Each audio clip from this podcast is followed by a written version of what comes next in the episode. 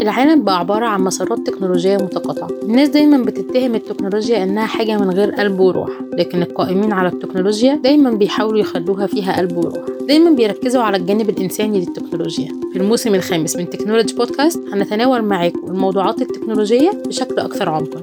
أنا نيرة عيد. وأنا مهاب شريف. صباح التكنولوجيا من جديد. الموسم الخامس من technology podcast يأتيكم برعاية فودافون وإي فاينانس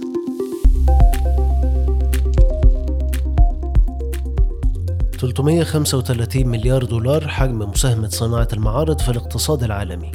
انطلاق الدورة السادسة والعشرين من Cairo ICT اليوم وتكنولوجي راعي إعلامي. 120 ألف زائر وأكثر من 500 عارض متوقع مشاركتهم في Cairo ICT. بالنسبة لنا شيء أساسي مشاركة في ICT والرعاية الرسمية بتأكد اهتمامنا وتقديرنا صناعة المعارض واحدة من أهم الصناعات اللي بتساهم بقوة في النشاط الاقتصادي على مستوى العالم. في تقرير صادر عن المنظمة الدولية لصناعة المعارض قبل جائحة كورونا كشف أن عدد الزائرين للمعارض سنويا بلغ حوالي 353 مليون زائر وحجم الإنفاق في المعارض المختلفة على مستوى العالم سجل حوالي 141 مليار دولار. أكد التقرير أن المعارض المختلفة بتحقق حوالي 335 مليار دولار عوائد بالتأثير المباشر وغير المباشر على الاقتصاد العالمي وبتخلق 5 مليون وظيفة مباشرة وغير مباشرة. واحد من أهم المعارض والمعرض رقم اثنين في صناعة تكنولوجيا المعلومات في المنطقة هو Cairo ICT اللي بينطلق النهاردة في دورته السادسة والعشرين في الوقت اللي قطاع الاتصالات من المتوقع أن يشهد استثمارات حكومية خلال عام 2022-2023 بحوالي 67.1 من عشرة مليار جنيه في مقابل 58.2 من عشرة مليار جنيه بنهاية العام السابق 2021-2022 وده بيعتبر معدل نمو 15% يأتي مع سعي الدولة لرفع مساهمة القطاع في الناتج المحلي الإجمالي إلى 5% خلال عامين بالمقارنة مع 2.5% حالياً. على مدار 25 دورة ماضية كان معرض ومؤتمر Cairo ICT شاهد على معظم المراحل الفارقة والتطورات في قطاع الاتصالات وتكنولوجيا المعلومات في مصر منها إطلاق تراخيص بعض الشركات أو حتى تكنولوجيات جديدة ظهرت لأول مرة وتم تسليط الضوء عليها في المعرض. الدورة الحالية من المعرض متوقع أن تشهد مشاركة ما يزيد عن 500 شركة هذا العام وعدد الزوار مستهدف أن يتخطى 120 ألف زائر. أسامة كمال الرئيس التنفيذي لشركة Trade Fairs International المنظمة للمعرض والمؤتمر قال إن الدورة الحالية هتكون مختلفة وهيكون فيها حضور مكثف لوزارة التعليم العالي والبحث العلمي. كمان استعرض معانا عدد من أهم الموضوعات المتوقعة للمعرض في دورته الحالية. قسمنا السنة دي الدنيا بوضوح شوية أكتر واستفدنا من تجربتنا في Caisec. إننا عملنا tracks واضحة وصريحة. أنا عندي track بتاع Cairo ICT اللي هو بيتكلم على نوعين من الموضوعات.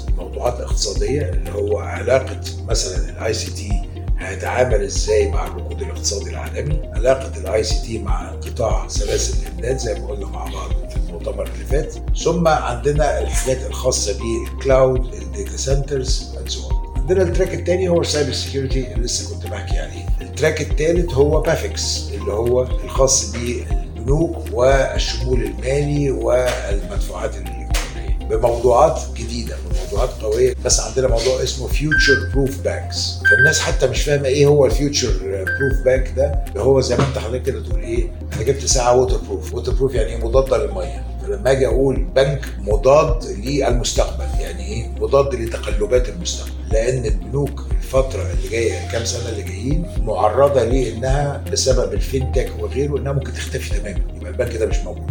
ال track الثالث برضه قلت عليه اللي هو ال satellite ال satellites دلوقتي كان من الموضوعات اللي توارت عن الأنظار. ورجع تاني بقوة شديدة جدا بتتكلم على الساتلايت للكوميونيكيشنز الساتلايت للديتا وما هواش بس أنت بتتكلم عليه على مستوى اصل ده للمناطق النائية. أصبح النهارده ضرورة قصوى جوه المدينة جوه القاهرة جوه العواصم إنك أنت تستكمل بيه البنية التحتية الخاصة بالمؤسسات الكبرى. من أهم مساهمات Cairo ICT دائما هو إطلاق المبادرات الجديدة. منها استراتيجية صناعة الإلكترونيات اللي أطلقها رئيس الجمهورية من ثلاث سنين في المعرض وسيشهد العام الجاري إطلاق معارض متخصصة في مجالات جديدة. تيجي على ال track الرابع اللي هو عاملينه لاول مرة السنة دي اللي هو insurtech healthtech. اللي جاي نتكلم في قطاع التأمين. لأن قطاع التأمين قطاع غير منظم قد يبدو منظم ولكن هو غير منظم. هو قطاع متأخر جدا في استخدامات التكنولوجي في العالم ومتأخر جدا جدا جدا جدا جدا جدا جدا عندنا في مصر. كون المعرض واحد من أهم المحافل لصناعة تكنولوجيا المعلومات في المنطقة بيقدر يجذب كتير من الشركات سواء للمشاركة أو لرعاية المعرض. السنة دي بنية وهي واحدة من أكبر شركات تكنولوجيا المعلومات والبنية التحتية في مصر وفي المنطقة هتكون هي الراعي الرئيسي للمعرض في دورته ال 26 ومعانا الدكتور أحمد مكي رئيس مجلس الإدارة والرئيس التنفيذي لمجموعة بنية عشان يكلمنا عن مشاركتها في المعرض السنة دي. بالنسبة لنا شيء أساسي مشاركة في ICT والرعاية الرسمية بتأكد اهتمامنا وتقديرنا لهذا الحدث. وبيبقى بالنسبة لنا زي كده تقرير سنوي بنقدمه لأصدقائنا وزملائنا في القطاع حضراتكم والعاملين بالقطاع. إيه اللي أنجزناه خلال السنة اللي فاتت من الكلام اللي قلناه؟ وإيه ال plan بتاعتنا للسنة اللي جاية؟ وبنسمع منكم وبنتبادل الآراء. من السنة اللي فاتت للسنة دي في أحداث كتيرة حصلت. في تحديات برضو على مستوى العالم اقتصاديا والجميع متأثر بيها. الحمد لله قدرنا نتعامل مع الكلام ده بحيث إنه نجهز الشركة ونستمر في خططنا في المرحلة اللي جاية. السنة الجاية برضو هيكون فيها بعض التشالنجز هيبان خلال الفترة اللي جاية مين القوي القادر إنه يتعامل مع التحديات ومين اللي مش هيقدر يتعامل معاها وممكن يلاقي حلول مختلفة يعني. تكنولوج شريك إعلامي للمعرض في دورته السادسة والعشرين لنقل كل الأحداث ولتغطية لحظية للمستجدات. تكنولوج بودكاست برعاية فودافون و e-finance مزيد من التغطيات على تكنولوج dot news.